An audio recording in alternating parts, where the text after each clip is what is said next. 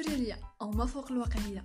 بالإنجليزية surrealism مشتقة من الفرنسية surréalisme اللي كتعني حرفيا فوق الواقعية. فهي حركة ثقافية في الفن الحديث والأدب. كتهدف للتعبير عن العقل الباطني بصورة كيعوزها النظام والمنطق. وحسب منظورها أندري بريتون فهي آلية أو تلقائية نفسية خالصة من خلالها يمكن التعبير عن واقع واشتغال الفكر إما شفويا أو كتابيا أو بأي طريقة أخرى.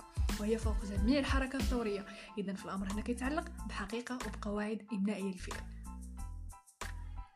مركبة وبعيدة كل بعد عن أي تحكم خارجي أو مراقبة كتمارس من طرف العقل وخارجي عن نطاق الانشغال جمالي أو أخلاقي.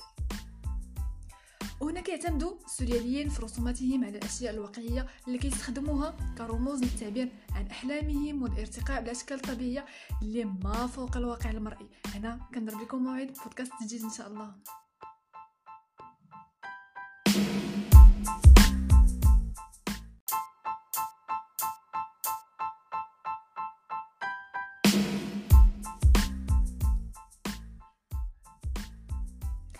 السوريالية أو ما فوق الواقعية بالإنجليزية سورياليزم.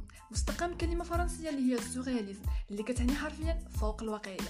هي حركة ثقافية في الفن الحديث والأدب اللي كتهدف للتعبير عن العقل الباطني بصورة كيعوزها النظام والمنطق. حسب منظورها بري أندري بريتون فهي آلية تلقائية نفسية خالصة من خلالها يمكن التعبير عن واقع واشتغال الفكر إما شفويا أو كتابيا أو بأي طريقة أخرى.